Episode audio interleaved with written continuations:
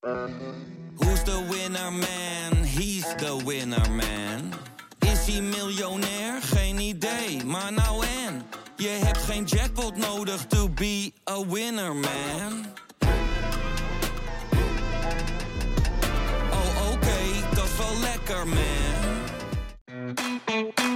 Hey VIZSM-luisteraar. Wil jij genieten van de beste VI Pro-artikelen, video's en podcasts? En wil jij nog meer inzichten krijgen rond al het voetbalnieuws? Word dan nu lid van VI Pro. Voor exclusieve podcasts, tactische analyses, interviews met spelers en financiële inzichten. Ga nu naar vi.nl slash zsmpro voor de scherpste aanbieding.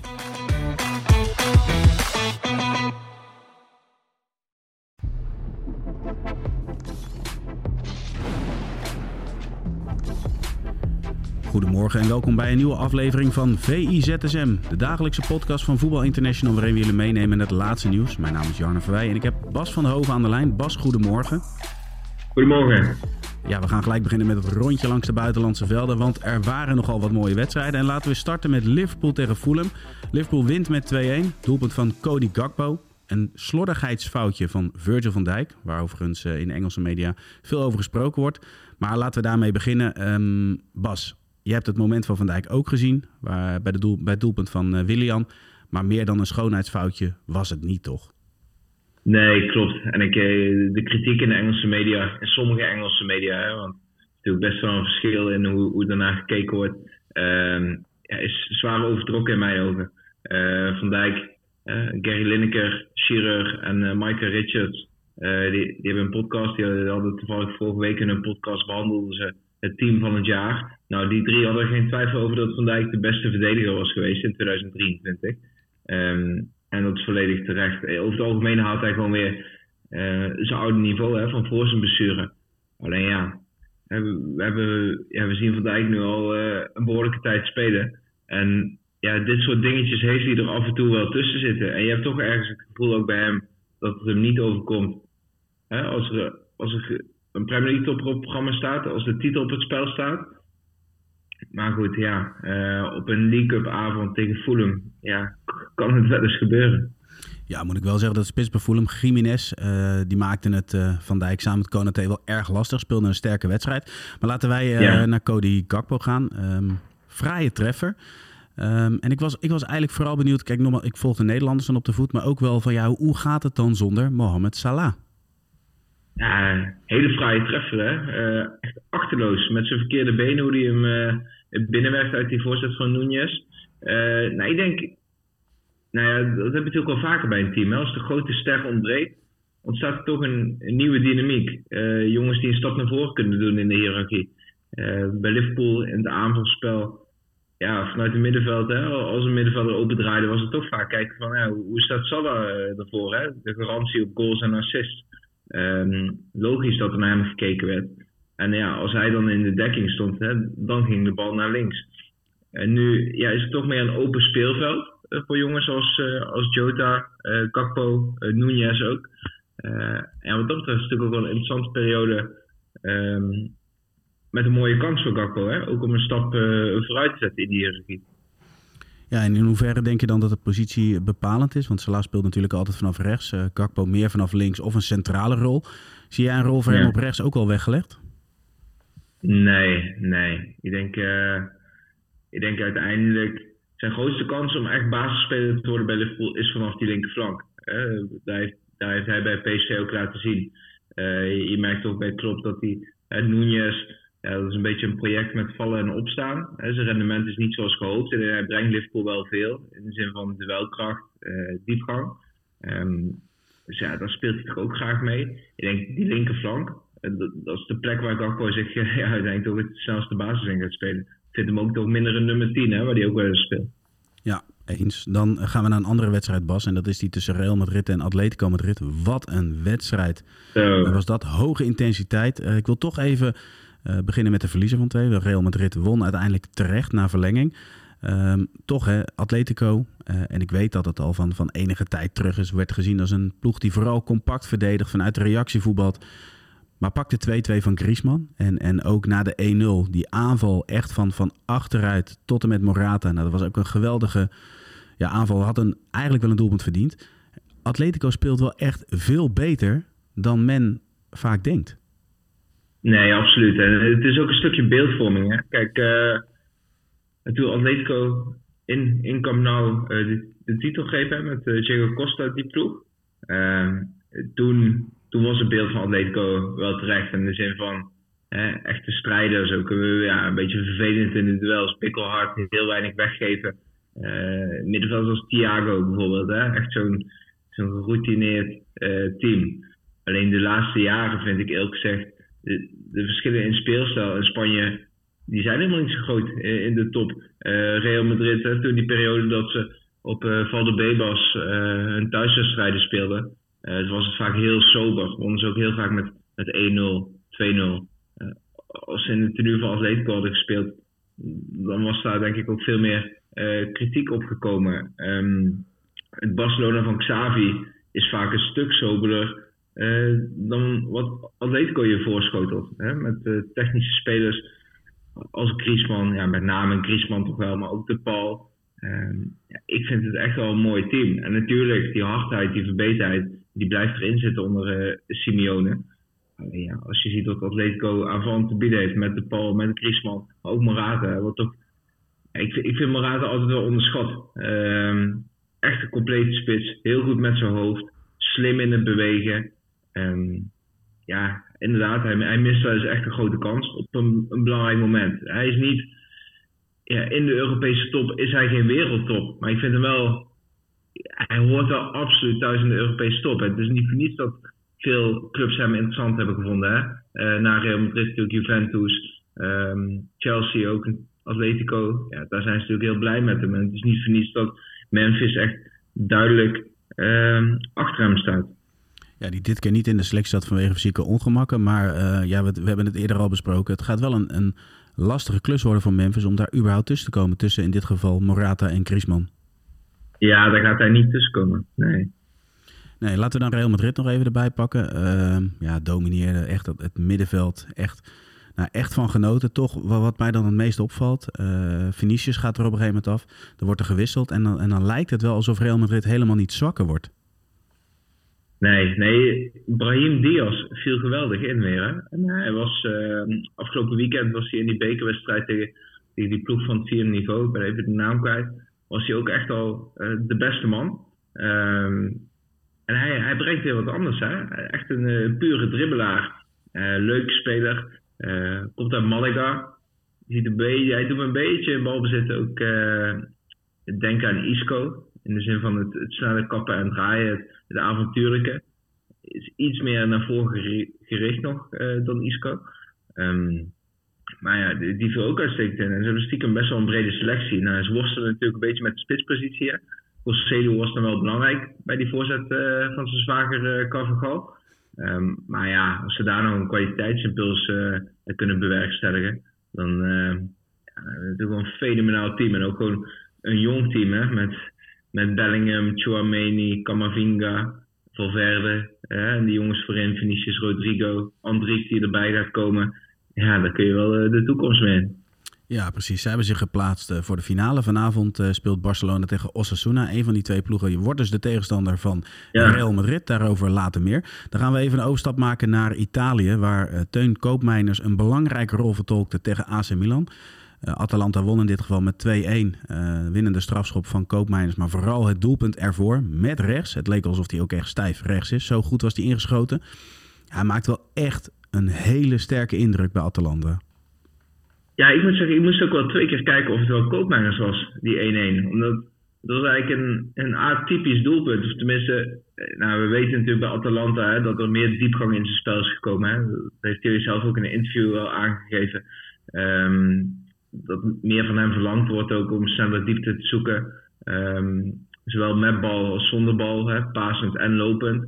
Um, maar dit, ja, dat hij zo opdook in een strafschopgebied en met rechts die bal binnenknalde. Hè. Het was niet eens dat hij zeg maar bijsloot. Uh, het was gewoon, uh, Atalanta kwam over rechts door en ja, een sprint vol overtuiging naar het 16 meter. Weer eigenlijk ja, een soort spitse doelpunt. Ehm, en dan met zijn zwakkere rechter ja, schiet hij die bal zonder aarzeling binnen. Ja, echt een heel goed doelpunt. En ja, ook wel de, ja, een beetje een doelpunt dat wel symbool staat voor de nieuwe uh, koopmijners. Hè?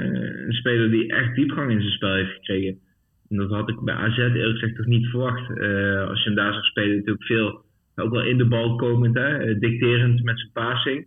En ja, bij Atalanta echt een, complete, heel complete middenvelder geworden. Ja, het is ook geen toeval, want er was een moment later, uh, ging de aanval over links. En toen sloot hij ook aan, toen sloot hij met, schoot hij met links uh, bijna binnen. Dus wat dat betreft, het is wel echt een, een belangrijk onderdeel binnen zijn spel. Ja, gek genoeg komt het bij Nederland zelf toch nooit lekker uit. Dat, uh, het is natuurlijk wel apart. Hè? Atalanta natuurlijk ook wel een heel specifieke speelstijl met inderdaad zo snel de diepte zoeken. nou, in zijn uitwedstrijd tegen Milan heb je natuurlijk ook grotere ruimtes. Hè? Ook omdat Milan gewoon in eigen huis wel moet komen. En ja, dat ligt ze wel. En nu in de halve finale tegen Fiorentina, dan zijn ze ook favoriet. En dan komt, dan komt de mooie prijswinner toch wel dichtbij. Ja, absoluut. Tegenover hem trouwens een, uh, een andere international, die Gianni Reinders. Ook daar weer, als je dan bijvoorbeeld de goal van Leao, dan wat, wat, zijn rol daarbij is. Hij wordt direct aangespeeld naar balverovering. Het is, het is echt wel een speler die continu gezocht wordt. Ja, en, en, en waar Koopmeiners domineert bij Atalanta, ja, vind ik dat hij echt domineert op het middenveld van Milan. En ik, ik blijf dat toch wel bijzonder vinden dat hij dat in zo'n korte tijd voor elkaar heeft gekregen. Ja, absoluut. Kijk, uh, wat dat betreft was het een mooie avond voor Nederlandse voetbal ook. Hè? Met Kakpo, uh, Reinders inderdaad, Koopmeiners. Um, dat stemt ook wel hoopvol richting het uh, eh, EK. En aan de andere kant zat ik gisteren aan het einde van de avond ook te denken... ja, de Fransen en de Engelsen... die gaan iedere doordeweekse avond met zo'n gevoel slapen, weet je wel. Dat ze weer een paar internationals hebben zien uitblinken. ja, het is ook wel een beetje wat dat betreft misschien in de marge... Maar uh, ja, Reinders, die zich daar profileert bij Milan, het eerste doelpunt oh, was geweldig. Um, snel diepte zoeken, hè? ook met, we hadden het over Salah, hè? waar bij Liverpool direct de blik gaat naar Salah van vrij. Ja, zo is dat bij Milan natuurlijk met Leao. En ja, Reinders heeft zich eigenlijk ontpopt tot een van de belangrijkste aangevers daar. Ja, bijzonder. We blijven overigens nog even in Italië, want we gaan eh, naar Lazio tegen AS Roma. En daar speelt een pas 18-jarige Nederlander speelt daar in de baas onder Mourinho. Het duel eindigt overigens in een 1-0 zege voor Lazio in de kwartfinale van de Coppa Italia. Daar gaan we het niet over hebben. Nee, we gaan het hebben over het pro-stuk van Sam Planting. Die heeft namelijk een analyse gemaakt over Dienhuis, want daar hebben we het over. Um, zeer talentvolle verdedigers. Nou moet ik niet direct bij Mourinho, op dit moment zijn manager, denken aan een trainer die, die uh, ja, bekend staat om het ontwikkelen van talenten. Maar die is wel dermate onder, de indruk dat hij toch wel heel veel speelt. En een, ja, onder zijn hoede ook een stormachtige ontwikkeling doormaakt. Ja, dat was natuurlijk nood uh, bij Roma. ze hebben op een gegeven moment een regeling, uh, vanwege het overtreden van de financial fair play regels, hebben ze een regeling moeten treffen. Um, en ja, moeten ze eigenlijk iedere transferperiode uh, met een ja, heel beperkt budget werken. Nou, dan Huizen is een, een buitenkantje om die uh, tijdelijk over te nemen van Juve. Ook vanwege zijn relatief lage salaris nog. Ja, als je dan ziet wat die Roma al te bieden heeft op deze leeftijd. Um, ik was anderhalf jaar geleden, ik in de buurt van Uden, waar veel jeugdinterlands gespeeld worden. Dan speelde Nederland onder 17, speelde in april 2022. Um, het was tegen Griekenland of Hongarije, was toen uh, voor de kwalificatie. En ik was met een maatje van mij kijken. En Huizen viel zo ontzettend op. Die was drie stappen verder dan de rest. Echt zonder overdrijven. Hè? En die ploeg zat ook Rijkoff, die toen al bij uh, Dortmund onder contract zat. Maar het was echt Huizen die opviel. Gewoon met het, door het gemak waarmee hij speelde. Snel, rustig aan de bal, inschuivend. Nou, echt alles wat je van een... Van een voetballende verdediger eh, zou verlangen, dat bood hij. En natuurlijk valt het dan, tegen die weerstand valt het nog meer op als hij met leeftijdsgenoten speelt. Maar ja, de laatste anderhalf jaar, eh, die vriend van mij denkt, ja, hebben al contact als hij in het nieuws is. Van, weet je nog? Ja, ik moet zeggen, het verbaast me ergens ook niet hoe makkelijk hij zich aanpast. Want zoals Sam ook um, uh, omschrijft in zijn pro-analyse, ja, dat is echt wat opvalt bij Huizen. Het, het gemak waarmee hij zich staande houdt. En, de overtuiging, de rust. En het nooit in paniek raken, ook niet onder druk. Dat, ja, dat is wel echt heel bijzonder voor een speler van zijn leeftijd. Ja, Sam omschrijft hem als een verfijnde opbouwer. Als jij een speler moet noemen ja, waarmee die te vergelijken is, aan wie denk jij dan? Wow. Mm, hij doet me wel een beetje denken qua rust aan, uh, aan Piqué. Ja, dat is eigenlijk de eerste aan wie ik moet denken. Kijk, uh, het, is geen Sergio Ramos in de zin van. Uh, ik denk dat zijn kaartenlast aan het einde van zijn carrière een stuk lager zal zijn. dat rustig inderdaad. Ja, dat doet me denken aan Piqué. Oké, duidelijk. Dan gaan we naar het laatste artikel. Het meest gelezen item op vi.nl. En dat is een, ja, een, een nieuwsbericht waarin duidelijk wordt dat er maar één club in de wereld is die meer geld verdient aan jeugdspelers dan Ajax. En dat is Benfica. Niet heel gek met João Felix en Ruben Diaz. Maar goed, Ajax heeft natuurlijk ook een periode gehad ja, met vooral Matthijs de Ligt. Waarin er heel veel geld verdient wordt. Overigens in de top drie wordt gecomplementeerd door, gecomplementeerd door Lyon. Um, ja, wat zegt zo'n lijst precies? Uh, ja, het, het, geeft wel een mooi beeld, hè, maar het is ergens ook wel zo'n lijst, versterkt ook wel weer. Het is een soort uh, vicieuze cirkel. Hè? Uh, op een gegeven moment als, een club een paar paveltjes voor veel geld verkoopt en die jongens doen het goed. En dan worden de andere spelers, zeg maar daarachter, die worden ook weer meer waard. bij, bij Benfica bijvoorbeeld, ze hebben ook Nelson Semedo voor 35 miljoen aan Barcelona verkocht. Eh, ja, dat, werd eh, niets in, eh, in Camp Nou. Um, Renato Sanchez, dat vond ik mooi. Ik ging bij, natuurlijk ook kijken hè, welke grote uitgaande transfers Benfica het laatste jaar ook alweer gehad had. Nou, Felix, Ruben Diaz, hè, de, daar gaat er bijna wekelijks nog over. Nee, Renato Sanchez, die was zo goed op het EK 2016. Hè. Dat leek echt een soort... Ja, het was gewoon Bellingham-achtig goed. Ja, precies. alleen ja, daarna ook uh, overschaduwd geraakt. En ja, die werd voor 35 miljoen aan, uh, aan Bayern verkocht. Ja, bij Fika, die jeugdopleiding, ja, dus, je ziet ze ook altijd in de Youth League natuurlijk opduiken. Um, ze werken natuurlijk altijd, Bas, toch? Want, want Donny van der Beek staat in het lijstje bij Ajax. Ja, goed, ja, laten we hopen dat hij opkrabbelt bij Frankfurt. Maar heeft natuurlijk ook een, een, een ja, een significant mindere periode dan bij Ajax. Nee, klopt. En wat dat betreft denk ik uh, dat de penningmeesters uh, van die clubs die hoog staan in de lijstje, die, uh, die zullen wel weer lachend toe hebben gekeken. Het, ja, zo, zo, werkt het wel. Hè? Als je eenmaal dat predicaat op je hebt van bij Benfica opgeleid.